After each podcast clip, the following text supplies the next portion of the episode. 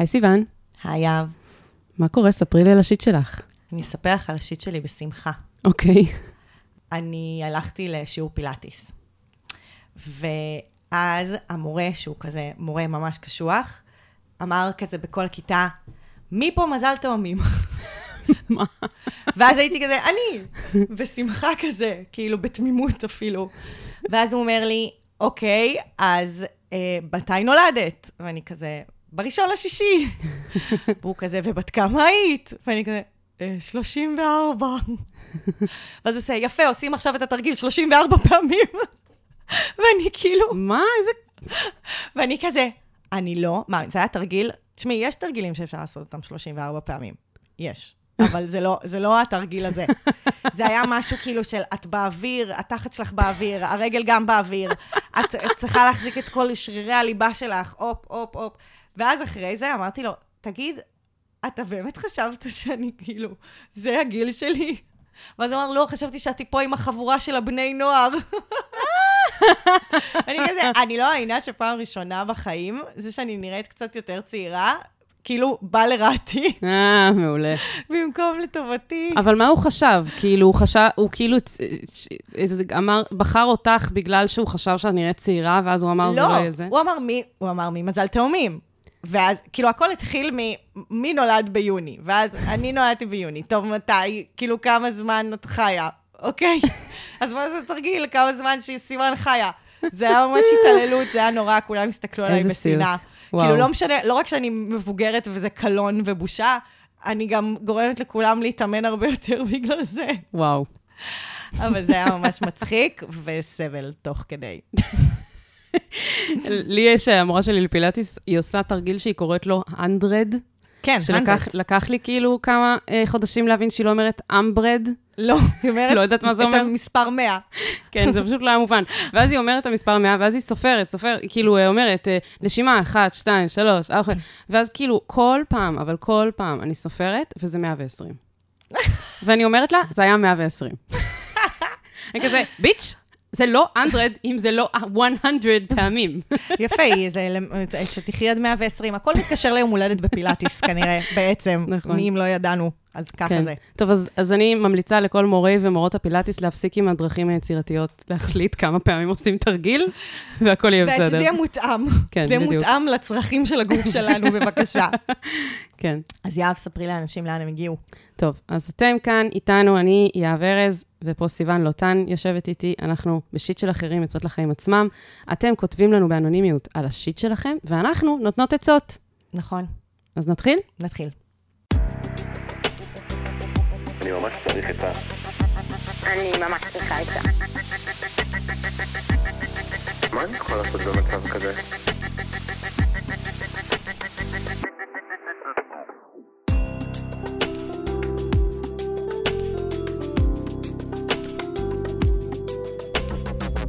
של אחרים.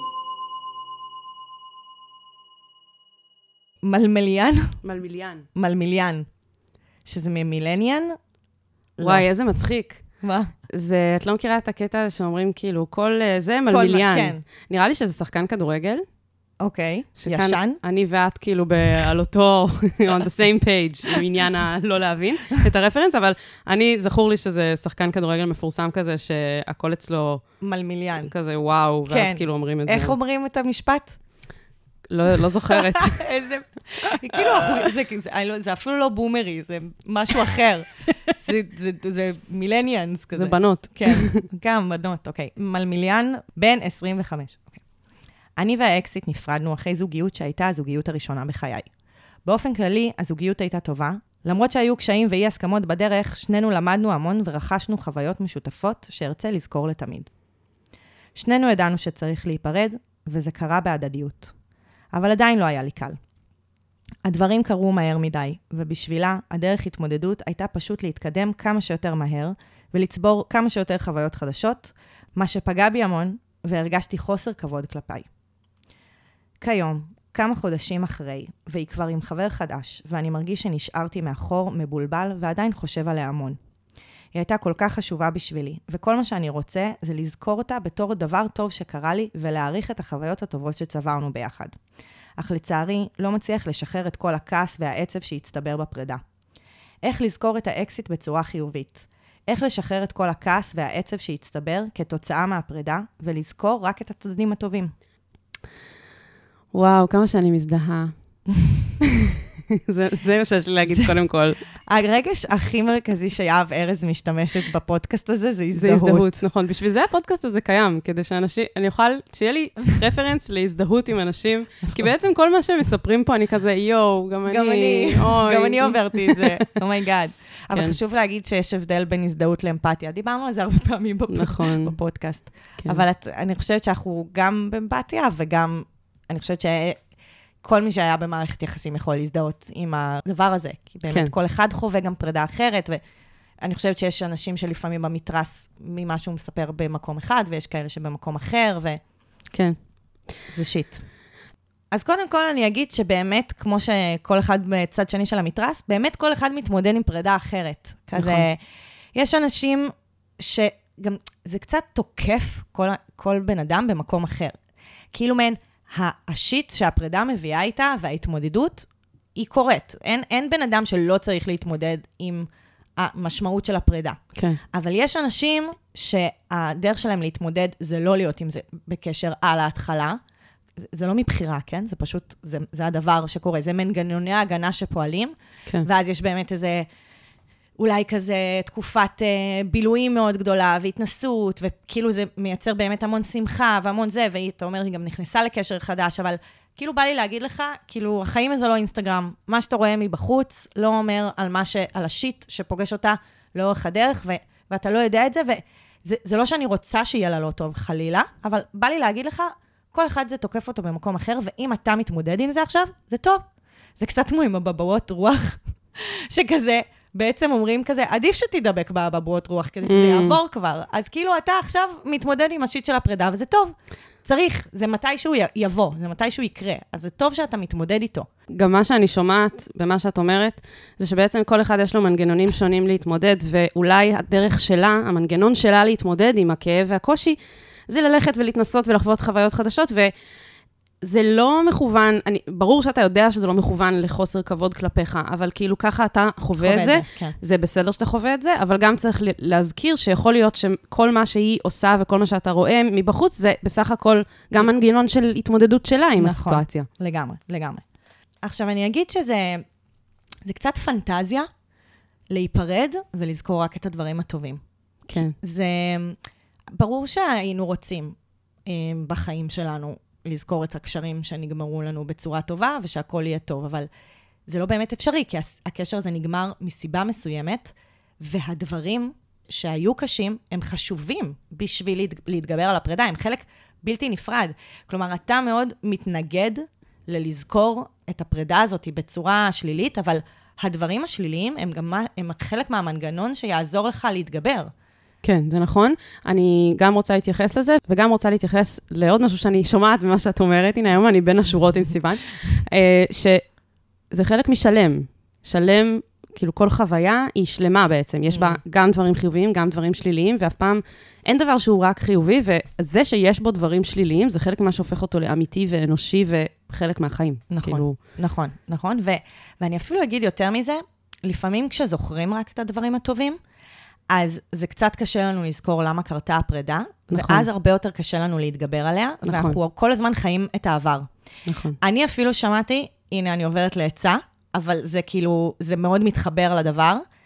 מה זה שמעתי? אני עשיתי, אני השתמשתי בשיטה הזאת, ראיתי את זה באיזה סרטון, לרשום, לעשות רשימה בפלאפון של כל התכונות הרעות, הלא טובות של הבן זוג שהיית, או הבת זוג שהיית איתה, וגם של הקשר. כאילו מעין, כאילו מעין, מה היה לא טוב. ואז כשהמוח הולך, והרי זה מנגנון הגנה גם, לזכור רק את הדברים הטובים. זה, אנחנו עושים את זה עם נכון. החיים שלנו. בגלל זה קוראים לזה נוסטלגיה. כאילו, אנחנו ממש מוחקים, כאילו, זה כמו שאני נזכרת בדרום אמריקה, ואני אומרת, אה, איזה כיף היה בדרום אמריקה, אבל היה מלא שיט בדרום אמריקה, אני פשוט, המוח שלי מנקה את זה החוצה, כדי לשרוד. אז אותו דבר אנחנו עושים עם הפרידה, אבל זה לא עוזר לנו להתגבר עליה, ואז זה נורא חשוב. הפתק הזה, הוא היה אחד הדברים שהכי עזרו לי בתקופות שכאילו הפרידה תקפה אותי, פשוט פתחתי את זה וקראתי את כל התכונות הלא טובות, וקראתי את הדברים הלא טובים שהיו בקשר, וזה עזר לי. ו- ואני אומרת, אני, כאילו חשוב להגיד, יש גבול בין להשחיר את בן הזוג, שגם את זה אנחנו לא רוצות, כאילו את בת נכון. הזוג. אין סיבה שתשחיר אותה, וגם הרבה פעמים להשחיר בני זוג אה, בעבר, זה קצת אה, שנאה עצמית. כי זה בעצם... Mm, ל- כי איך לזלזל- בחרתי בדיוק. במישהו שעושה לי ככה לא בדיוק, טוב. זה זלזול בבחירה שלי. Mm. ויש משמעות, כאילו, בגלל זה זה איזון. זה טוב שאתה זוכר את הדברים הטובים שלה, כי לא סתם בחרת בה, והיו גם חלקים שהיו טובים, אבל גם היו דברים שלא טובים, ובגלל זה גם נפרדתם, וזה גם חלק נורא חשוב. אז זה לזכור את שניהם, כאילו, אין סיבה להפוך אותה לשטן, כי אז גם אתה, אתה פוגע בעצמך ובמי שאתה ובדימוי העצמי שלך, אבל גם אין סיבה לשים אותה על איזשהו הר, כזה, כתר. כן, to put her on a pedestal, מה שנקרא. כן, אז בעצם את כאילו הצעת משהו שהוא 180 מעלות ממה שאני חשבתי להציע, אוקיי. אבל זה מדהים, כי אנחנו כאילו באות מאותו, כאילו אותה מאותו מקום. נקודת מבט. כן. אני כן רוצה להגיד, כאילו, לחזק את מה שאמרת על זה שלפעמים קל לנו יותר לשחרר, דווקא כשאנחנו לא זוכרים משהו רק כטוב. מהמם. אני יודעת את זה, כאילו, מפרידות שאני עברתי, שלפעמים כשאנחנו מתנתקים לגמרי מהבן אדם, כי זה נגמר ברע, יש בזה משהו שקצת מקל עלינו. קצת קל יותר בפרידות להיות כזה, אוי, המניאק הזה, אני לא צריכה אותו, אוף, הוא פגע בי, שילך, אני לא רוצה לחשוב עליו בכלל. זה, יש בזה משהו שקצת מקל עלינו, ודווקא כשאנחנו מתגעגעים, כשאנחנו היינו רוצים לחזור באיזשהו מקום שם בתוך הלב, אז זה מקשה עלינו. מהמם. ובגלל זה, אני הייתי מציעה לעשות כאילו איזשהו reframing. קודם כל להגיד כאילו, איזה יופי שלא נפרדתם ברע ברמה שכאילו אתה רק אומר איכס שתלך נכון. לעזאזל. לגמרי. שזה כאילו דבר טוב. אה, וגם, לפעמים פשוט כאילו לוקח זמן. זמן זה משהו ש... הוא הכי חשוב. אני יודעת. שזה זה קלישאה, אבל בעצם אני יכולה להגיד שאלה ש, שנפרדנו, וזכרתי אותם ברע, איך שזה קרה, מהמם. כאילו הנתק הזה היה הכרחי, כי, כי זה עשה לי רע, הקשר הזה, וכל מה שהיה באותו רגע זה לזכור כמה שהבן אדם הזה, כאילו, אני חייבת להתרחק ממנו. ואז בדיעבד, ב, ממרחק הזמן, פתאום הבנתי, בסוף זה בן אדם שלם, כמו שהחוויה היא שלמה. בסוף היו בו צדדים חיוביים, היו בו צדדים שליליים, לקשר שלנו היה זה, ואפשר במרחק הזמן, כשאני פחות כועסת עליו ופחות עצובה, לזכור גם את הדברים הטובים שהיו בבן אדם ושהיו לנו, נכון. וזה פחות קשה. אז אני אומרת שעכשיו זה גם הפוך.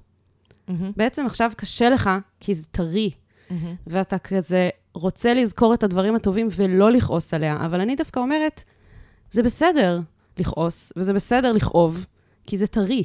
וזה בסדר להגיד, אוף, היא פגעה בי. הדברים הטובים יישארו. זה לא, נכון. אני לא חושבת שאתה תשכח אותם. מהמם. אם כי, מה שבאתי להגיד, זה שאתה תמיד יכול לכתוב איזה מכתב. למשל, מכתב שהוא אליה, אבל אתה לא תשלח אותו לעולם. או, מהמם. אה, למשל, אם כתיבה זה לא הקטע שלך, אז נגיד קבוצת וואטסאפ עם עצמך, של כזה להקליט. הקל... כן, להקליט לעצמך כזה, פתאום אתה נזכר באיזה רגע שהיה לכם, או פתאום אתה נזכר באיזה משהו שהיה איזה בדיחה פרטית ביניכם, או משהו כזה, אתה מקליט את זה לעצמך, שיהיה לך. אתה יכול אפילו לגבות את זה באיזה drive מקסים, כדי שזה באמת לא ילך לאיבוד עם הטלפון, את יודעת, כזה. אבל כאילו, אני אומרת לעצמי, זה לא יהיה קשה לזכור את הדברים הטובים, כמו שזה יהיה קשה להתגבר על הכאב והקושי. נכון. אז בעצם, אני מרגישה שמה שאתה מבקש זה להרגיש קצת פחות כאב על, על הפרידה, ואתה רוצה כאילו לפצות על זה בתחושות טובות, אבל אני רוצה להגיד לך, כאילו, הכל בסדר, אתה לא צריך לעבוד קשה בשביל זה, זה יהיה שם. נכון. והזמן וגם- הוא זה שיביא את הכאב ל- להיות משהו של פעם. וגם כמו שהתחלנו, צריך לעבור דרך הכאב. שוב, זה תוקף בזמנים אחרים, אותה זה יתקוף בזמן מסוים, אבל אין דרך לדלג עליו. כן. אז זה גם באמת אפשר לשמוח בזה שאתה מאפשר לעצמך לכאוב, כאילו, אפרופו reframing. כן, וגם אפילו הייתי קצת משתמשת בזה, ואומרת, כאילו, זה, זה יהיה, אני מרגישה שאולי זה יהיה לך יותר קל, כאילו, להיות בתוך הכאב, והכעס, והתסכול, ולראות אותה מהצד ככה ממשיכה הלאה. לא יודעת, מרגישה שזה קצת כזה מקל, זה כזה, אוף, מי צריך אותה, ההפסד שלה, כזה. לא, לא שאני רוצה שזה יהיה התחושות שלך כלפיה, כמובן, אבל בסוף אני יודעת, כאילו, שזה, יש זה בזה. משהו שקצת עוזר. שעוזר, ברור. כן, וזה בסדר, כי זה גם אמיתי. אז כאילו- אנחנו נותנות לך הרשאה לא לזכור רק את הדברים הטובים. כן, לגמרי. בהצלחה, ספר לנו איך התגברת על הפרידה. ספר לנו ולכולם, כולם רוצים לדעת איך מתגברים על פרידות. כן, לגמרי. שורה תחתונה, הכל חולף. נכון.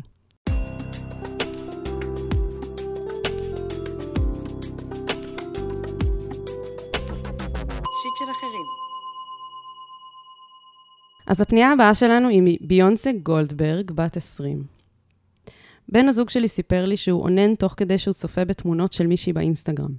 הייתי חייבת לראות את האינסטגרם שלה, וכשהסתכלתי ראיתי שיש לה בטן ותחת ממש גדולים, כלומר שהיא מנותחת. זה הפריע לי ונפגעתי ממנו בגלל זה, כי גם הוא תמיד אומר לי שאני מספיקה לו, אבל מצד שני הוא גם פינטז על מישהי אחרת, למרות שאני מבינה שלשלוט במחשבות זה מוגזם. בנוסף זה גרם לי לתהות האם תמיד הוא בעצם יעדיף להסתכל על מישהי עם הנתונים האלה, למרות שזה לא טבעי. זה גרם לי להרגיש לא שלמה עם הגוף שלי, ובנוסף זה גרם לי להרגיש כאילו זה דומה קצת לבגידה, למרות שזה לא היה פיזי, והוא טוען שהוא רק רוצה לנסות פעם אחת משהו אחר. מצד אחד אני לגמרי מבינה שיש לו צורך לאונן ושבשביל זה הוא צריך משהו שיחרמן אותו. מצד שני זה גרם לי להרגיש מאוד לא בנוח גם בגוף שלי וגם בשאלה האם אני מספיקה לו כמו שאני. מה אתן חושבות על מה שהוא עשה? האם אני צריכה להבין שאין מה לעשות ולפעמים צריך משהו שונה, או שלדעתכן זה צריך להדליק לי נורה אדומה? בנוסף, איך אני יכולה להתמודד עם חוסר הביטחון שזה גרם לי? שאלה מצוינת. תודה שכתבת לנו. לגמרי. אני חושבת שזו סוגיה שמעסיקה הרבה אנשים. אני גם חושבת שזה גם, מאוד גם, אה, יש פה הרבה רלוונטיות גם במערכות יחסים ראשונות. כי יש איזו חוויה שאני במערכת יחסים, אה, שאני כזה כולי מאוהבת, ומרגישה כזה בפנים, ו, ו, וזה ראשוני, ויש, כאילו גם כשאני מאוהבת בפעם הראשונה, יש גם איזו חוויה של כזה, הבן זוג הוא כל עולמי, ואני בכלל לא יכולה לדמיין שכזה, הוא יחשוב על מישהי אחרת, כאילו זה ממש... ו, וחלק מההתבגרות וההתפכחות זה גם בעצם להכיר שזה שמישהו אוהב אותי, או זה שאני אוהבת מישהו, לא באמת אה, מונע מזה שאנחנו נפנטז ונחשוב על אנשים אחרים. כאילו, אני קודם נכון. כל רוצה להגיד, זה באמת מאוד מאוד ברור למה זה ככה יגרום ל- לחוסר ביטחון. אני חושבת, שוב, חשוב לי להגיד, זה יכול לקרות גם במערכות יחסים אחרי הרבה שנים. זה נורא תלוי ברמת הפתיחות, ו- וכמה בעצם היינו יכולים לשים דברים על השולחן, כאילו, אז זה גם מראה כמה פתיחות יש לביניכם. כאילו, עצם זה ש- ש- שאפשרתם לעצמכם לדבר על זה, ועכשיו יש את השיט שזה מביא ואת ההתמודדות עם זה, אבל זה גם מעיד על זה שיש ביניכם שיח פתוח בנושאים כן. האלה. נכון. קודם כל, אני, אני גם רוצה לחזק את זה שהוא שיתף אותך. נכון. כי הוא גם יכל להסתיר את זה ממך.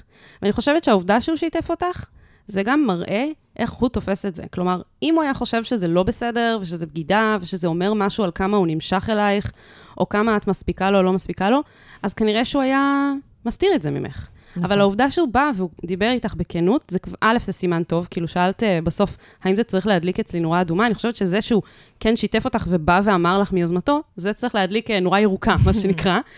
אה, אז זה דבר ראשון. ודבר שני, אני חושבת שכאילו, מכירה את זה שכאילו אומרים, אם מישהו מרגיש מספיק ביטחון עם עצמו, אז הוא לא צריך כאילו, את יודעת, אישורים מהצד, אז אני מרגישה שזה המצב שלו. מהמם. הוא מרגיש לי שהוא כן מרגיש ביטחון בקשר, הוא יודע שהוא אוהב אותך ונמשך אלייך, והוא לא מרגיש שלהסתכל על תמונות של מישהי אחרת בזמן שהוא מאונן, זה משהו שכאילו מוריד מזה.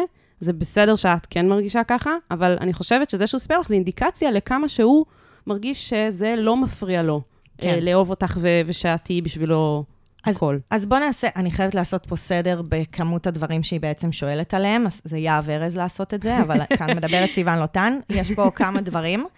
א', יש פה את עצם העובדה שבן הזוג בכלל מפנטז וחושב על מישהי אחרת. נכון. שתיים, זה, מה זה אומר אה, נפרדות בזוגיות? כאילו, שנייה רגע נדבר על זה. כי יש את המקום לשיתוף, אבל גם יש את המקום ל, לפעמים לא לשתף הכל. אז בואו נשים על זה רגע גם איזה כוכבית. ההבדל בין פנטזיות למציאות, זה גם סוגיה שעולה כאן, ומשהו שהוא כאילו לא קשור לשאלה, אבל אני, אני בתור מחנכת למיניות חייבת להתייחס לזה. היא אומרת, אה, בש, אני מבינה שבשביל לאונן הוא חייב משהו שיחרמן אותו. אה, כאילו, Mm, גם על זה אני רוצה לשים סימן שאלה, הוא לא באמת חייב דברים חיצוניים, יש לו את המוח שלו. אמ, אז יש כאן איזה ארבע סוגיות שכאילו אני רוצה להתייחס אליהן, תוך באמת הבנה שזה באמת, הכל מורכב וקשה, וקשה לפגוש את זה בפעם, בפעמים הראשונות, ו, וזה מביא באמת סוגיות של קנאה וחוסר ביטחון, וכאילו, זה, זה באמת מאוד מובן, אבל אני חושבת שכשנותנים לזה מקום, גם עכשיו אנחנו נותנות לזה מקום, וגם אתם תיתנו לזה מקום בתוך הקשר, זה לאט לאט מתנרמל ו- ואפשר לחיות עם זה. כן, אני גם בנוסף לסדר שעשית, אני רוצה גם לעשות ניקיון. רגע להוציא את הדברים שהם פשוט טפל ולא חשובים. מנותחת, לא מנותחת, זה לא משנה. אה, אם מישהי, אם, אם, אם הוא נמשך למישהי, בין אם זה כאילו טבעי אצלה ובין אם זה לא, זה נראה לי כאילו פשוט כל כך לא חשוב, אז אני כאילו מורידה את זה כדי ש... אני, בעיניי אנחנו בכלל לא... אין מה לדבר על זה, אני רק רוצה להתייחס לזה שהיא היא כתבה על זה, ואני רוצה להגיד, זה לא חשוב, כי באותה מידה הוא גם יכל להסתכל על מישהי שהנתונים האלה הם טבעיים אצלה, אז כאילו זה לא... אני כן מבינה איך זה קשור ל- ל- לתמה השלישית שאמרתי, ההבדל בין פנטזיות למציאות. Mm, כי יכול להיות שבפנטזיה שלו, הוא רוצה ברבי מנותחת. כן. וזה משהו שעושה לו את זה. כן, עכשיו, באופן כללי, הפנטזיות ומציאות, זה לא כל פנטזיה שלנו היא בהכרח משהו שאנחנו רוצים להגשים. או בהכרח משהו שאנחנו רוצים להיות איתו בקשר זוגי. או, כאילו- או, או, או משהו שאנחנו רוצים לפגוש ביום-יום שלנו. לפעמים כן. הפנטזיות שלנו משרתות את ה... דווקא כאילו הן כל כך רחוקות מהמציאות שהן מזיזות אותנו, מניעות אותנו, גורמות לנו לאיזה שהן תזוזות אה, פנימיות, שביום-יום זה, זה, זה יותר מדי בשבילנו, או שזה בכלל לא באמת עושה לנו את זה בפועל כשאנחנו פוגשים את זה. זה נעים לנו בפנטזיות. וזה, וזה נורא חשוב, כי אנחנו הרבה פעמים נורא מבלבלים בין המחשבות שלנו לבין המעשים שלנו. נכון. ואם יש לו מחשבות, פנטזיות על סוג מסוים של נשים, זה לא אומר שום דבר לגבי הקשר ביניכם. נכון. ו- ו- ו- ואת צריכה לבטוח במה שהוא אומר לך, ואם, ומה שהוא מראה לך.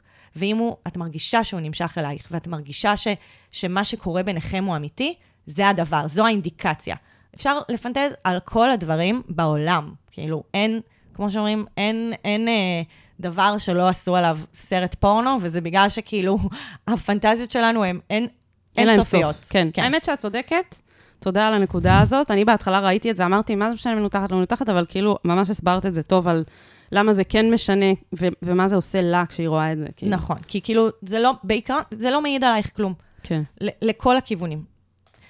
דבר שני, אני רוצה באמת שנייה לדבר על, על נפרדות בזוגיות ועל עצם זה שגם כשאנחנו נכנסים לזוגיות, מותר לנו שיהיה לנו מחשבות שהן שלנו, משלנו, שהן לא קשורות לבני הזוג שלנו, שאנחנו במערכת יחסים עם עצמנו לגביהן. עכשיו, יש משהו בעיקר גם... זה, אני באה להגיד במערכות יחסים ראשונות, אבל זה, זה לא נכון. כאילו, זה, זה הכל עניין של מתי אני פוגשת את הדברים האלה במערכות יחסים, אבל כשאני מאוהבת, אני נורא סימביוטית. כאילו, יש משהו, סימביוטי זה להרגיש שאנחנו אחד. מהמם. ו- וזה לא לה- להגיד מי אני ומי אתה, אנחנו, אנחנו דבר אחד. כן. ואז יש איזושהי חוויה של אם אנחנו ביחד, אז אנחנו יכולים רק לחשוב אחד על השנייה, ואנחנו יכולים רק לפנטז, ואנחנו יכולים רק לאהוב, ואנחנו יכולים... כאילו, יש איזו תחושה שאין לנו, אין לנו בכלל עולמות נפרדים. וגם, וחשוב להגיד, גם לך מותר לפנטז, לרצות, להימשך לאנשים אחרים. אני לא מדברת פרקטיקה, אני מדברת עולם פנימי. גם היא אומרת בעצמה, אי אפשר לשלוט במחשבות, גם אי אפשר לשלוט בחלומות. לפעמים אנחנו חולמים נכון. על איזשהו מישהו אחר. וזה, זה, כאילו, זה שאי אפשר לשלוט בזה, ושזה דבר כאילו חלק מהטבע האנושי, זה אומר שזה לא יכול להיות אסור. כאילו, זה, זה חלק מאיתנו. נכון, אנחנו לא, אנחנו לא יכולים לאסור על בן אדם אחר מה הוא חושב ומה הוא לא חושב. אממה, אנחנו לא, גם לא חייבים לשתף את הכל, זה בסדר ששיתפתם. זה גם חשוב, כי אני חושבת שכנראה זה גם ישב עליו והוא הרגיש שהוא צריך לשתף אותך, וזה משהו שכן היה צריך להיות, לשים אותו בתוך הקשר. אבל עכשיו, אתם יכולים לנהל את זה. כמה את רוצה שהוא ישתף אותך, כמה לדעת את זה עושה לך את זה, ומשרה עלייך ביטחון, וכמה את אומרת, טוב, אני מבינה שיש לו עולם פנימי. אני מבינה שלפעמים הוא נמשך לכל מיני זה, אבל אני צריכה לא לדעת את זה לפרטים. כאילו, אני כן. לא צריכה, תראו, כי הרי אסתר פרל, אז אה, אחד הדברים שהיא מדברת עליהם, היא מטפלת אה, זוגית ומינית, שמדברת הרבה על תשוקה וזוגיות ומיניות וכולי, והיא מדברת על זה שבעידן של היום, אנחנו, בגלל שאנחנו יכולים להסתכל, כאילו, הרי מה, מה היא עשתה? היא הסתכלה באינסטגרם על מי שהוא מסתכל עליה. כן. כאילו, אני חושבת שהאדם הקדמון, כשהוא היה מפנטז על אישה אחרת, לא היה לו דרך להראות את זה לאישה שלו. אז, אבל זה שאת רואה את זה בצורה מוחשית, זה עוד יותר כואב. זה כמו, כמו שאסתר פרל אומרת, אלף חרבות שנכנסות לך ללב. אפשר גם להחזיק את, ה, את הידיעה שכאילו, שהוא מפנטז על נשים אחרות, אבל את לא צריכה תיאור גרפי שלהן. לא צריכה את הפרטים, את כל הפרטים. בדיוק. כי יכול להיות שזה מכאיב. כן, האמת שמה שאת אומרת עכשיו, אני מבינה שזה שהוא סיפר לה, זה ברכה משתי סיבות. גם מה שאמרתי בהתחלה, שהוא כנראה מרגיש בנוח ובביטחון בקשר מספיק, שזה לא מאיים מבחינתו על כמה שהוא נמשך אלייך, וגם כי עכשיו חווית את הדבר הזה של מה זה אומר לדעת את כל הפרטים, ועכשיו אתם יכולים להסכים ביניכם מה הגבולות שלכם. נכון. מה הגבולות של עד כמה אני רוצה לדעת או לא לדעת, ועכשיו זה בעצם נתן לכם הזדמנות לדעת אחד על השני משהו מאוד מאוד חשוב, שאפשר כאילו לדבר עליו ולהבין איך מתנהלים עם זה מעכשיו. נכון. זה מה שאת אומרת בעצם. וכן חשוב לי להגיד משהו, היא אמרה שהיא טועה אם זו בגידה. עכשיו, אני חושבת שאנחנו כחילוניות, נורא ברור לנו שזה לא. אבל היא לא ציינה מאיזה חברה היא ואיזה תפיסות היא מגיעה, אז, אז כן חשוב לי שנייה לצייר פה ספקטרום uh, במסגרת התזה שלי, של זוגות שצופים יחד בפורנו. הרבה מהמאמרים שקראתי זה שבחברות שמרניות, אה, אה, אנשים כאילו אה, נוצרים, אנשים שומרים, כאילו שומרי מסורת וכולי, מבחינתם לצפות בפורנו זו בגידה. אה, וכי יש פה באמת אלמנט שיש שם באמת אנשים. זה לא פנטזיות ומחשבות, אלא יש שם אנשים. גם היא אומרת, כאילו, הוא הסתכל על מישהי אחרת, היא קיימת, היא חיה בעולם הזה. כן. עכשיו, אני חושבת שבחברה החילונית זה נורא ברור שכזה, זה בסדר. כאילו, זה, פורנו זה לגיטימי, וזה לא נחשב בגידה.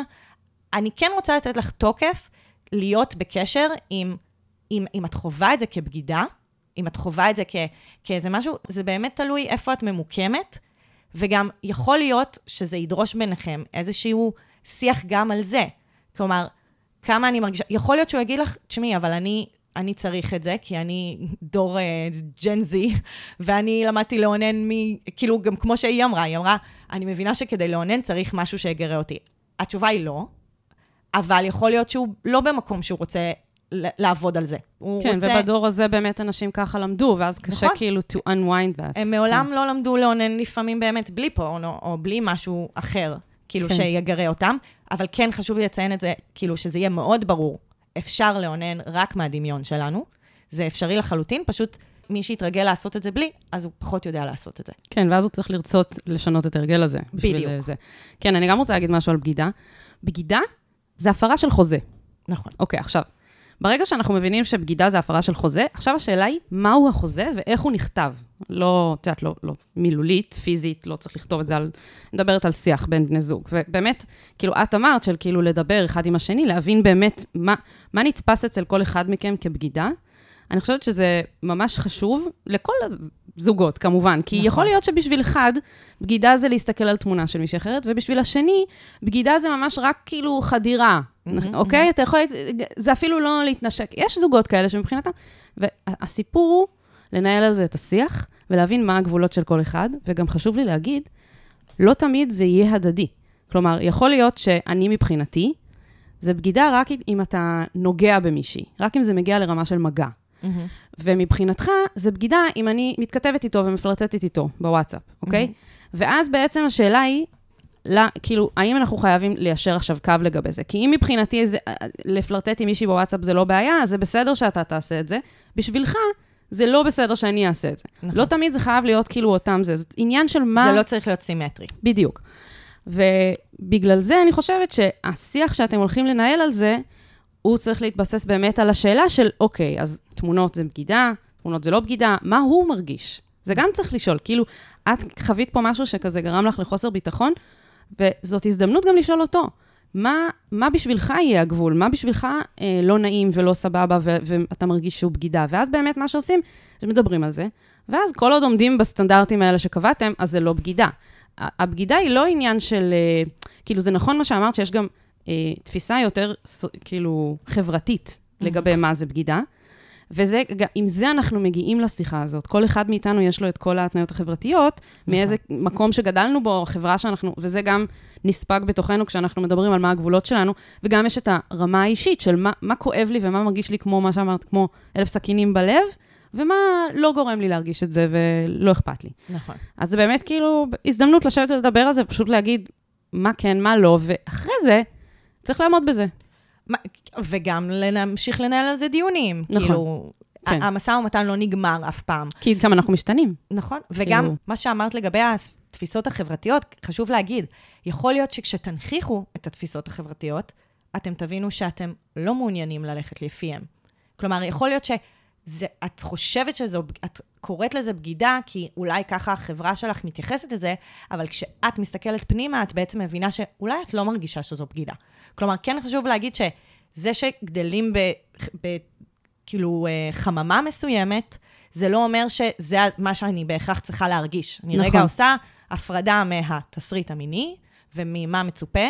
אגב, חשוב להגיד, אם זה היה הפוך מגדרית, גם יכול להיות שזה היה מביא איזשהו שיח, כי כאילו הרבה יותר לגיטימי לגברים לאונן מול משהו, לעומת לנשים. כן, חברתית, כאילו זה נחשב כן, יותר... אה, וכאילו זה בסדר. יותר מנורמל חברתית, אז גם, גם זה לא באמת נכון. וחשוב להגיד שגם לך יש הרשעה, כאילו, כן. בעולם, לרגע לבדוק מה עושה לך את זה, ואיך את רוצה לנהל את המערכת היחסים שלך עם עצמך והפנטזיות שלך וכולי. כן. וגם עד כמה אתם רוצים, לא רק מה אתם עושים, אלא עד כמה אתם משתפים אחד את השני, כמו שאמרת בהתחלה. נכון. כאילו, מה הגבולות שלנו בלדעת מה קורה אצל הבן נכון. אדם האחר. יכול להיות שמספיקה לכם איזושהי שיחה שאומרת, טוב, אני מכירה בזה שאתה עושה את זה, ואתה אתה מכיר בזה שאני עושה את זה, ואנחנו לא רוצים uh, to detail it. כן, אני רוצה גם להגיד שדיברנו בפרק 152 על מה זה הטייפ שלי, ואת שואלת פה שאלות על כאילו, האם הוא נמשך אליי, ואני, חשוב להגיד, לאנשים יש כמה סוגים של גופים שהם נמשכים אליהם. נכון. יכול, זה שהוא כאילו אולי נמשך אל הדמות הזאת שהוא רואה, של הבחורה הזאת באינסטגרם, זה לא מבטל את זה שהוא נמשך אלייך, גם אם היא נראית מאוד מאוד שונה ממך. נכון. כלומר, זה לא אחד על חשבון השני. אה, מסתבר שהוא אוהב חזה יותר גדול. אולי לפעמים הוא אוהב חזה יותר גדול, ולפעמים הוא אוהב חזה יותר קטן, וזה בסדר, ואני ממליצה להאזין לפרק הזה כדי, כאילו, ל... אני חושבת... להרחיב את, ה, את התפיסה לגבי משיכה. כן, בדיוק. ו- מעולה. ו- ועכשיו זה מוביל אותנו לתפיסה שלנו לגבי עצמנו, היא- כי היא דיברה כאילו על זה שזה מערער לה את הדימוי העצמי שלה. מה את רוצה להגיד על זה? אז אני חושבת שכשאנחנו מתערערים ממשהו חיצוני, ואז אנחנו פתאום מתחילים להבין שבעצם יש בנו משהו שאולי חווה חוסר ביטחון לגבי הגוף שלנו, לגבי איך שאנחנו נראים, לגבי כמה נמשכים אלינו, זאת הזדמנות מעולה לדבר על זה עם מטפל או מטפלת, ולעשות איזשהו uh, תהליך עם עצמנו, לבדוק מה גורם לי להרגיש חוסר ביטחון, ולמה, ואיך אני יכולה להתמודד עם זה יותר טוב, ואיך אני יכולה פשוט לחיות בעולם הזה עם ביטחון יותר גבוה לגבי עצמי, כדי שהדברים האחרים מסביב לא יערערו אותי. אה, אז אנחנו תמיד ממליצות על טיפול, אבל זאת גם, כאילו, זה פשוט טיפול, זה מקום מעולה לעשות את. התהליך, כן, זה הדיפולט של שיט של אחרים. לגמרי. אבל אה, כן, אני חושבת שזה יכול לעזור לך, אם את אומרת שזה גורם לך לחוות חוסר ביטחון לגבי הגוף שלך. נכון. Um, ותודה שכתבת לנו, אני בטוחה שיש עוד מלא אנשים שמתמודדים עם זה. לגמרי.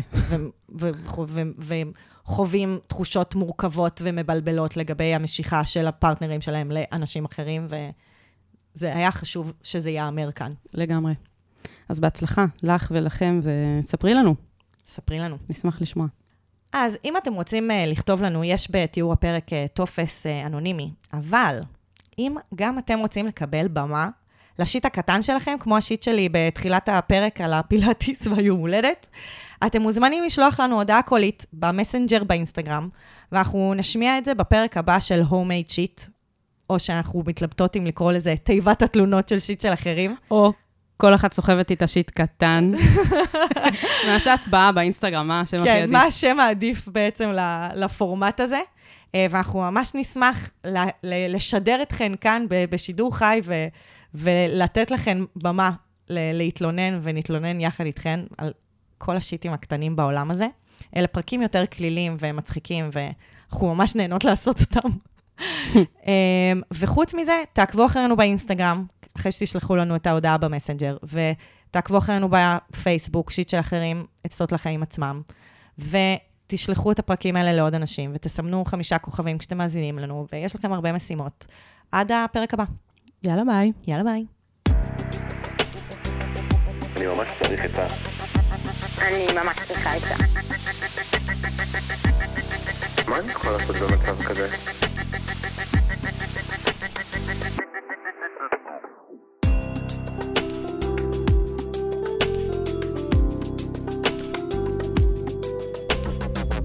של אחרים.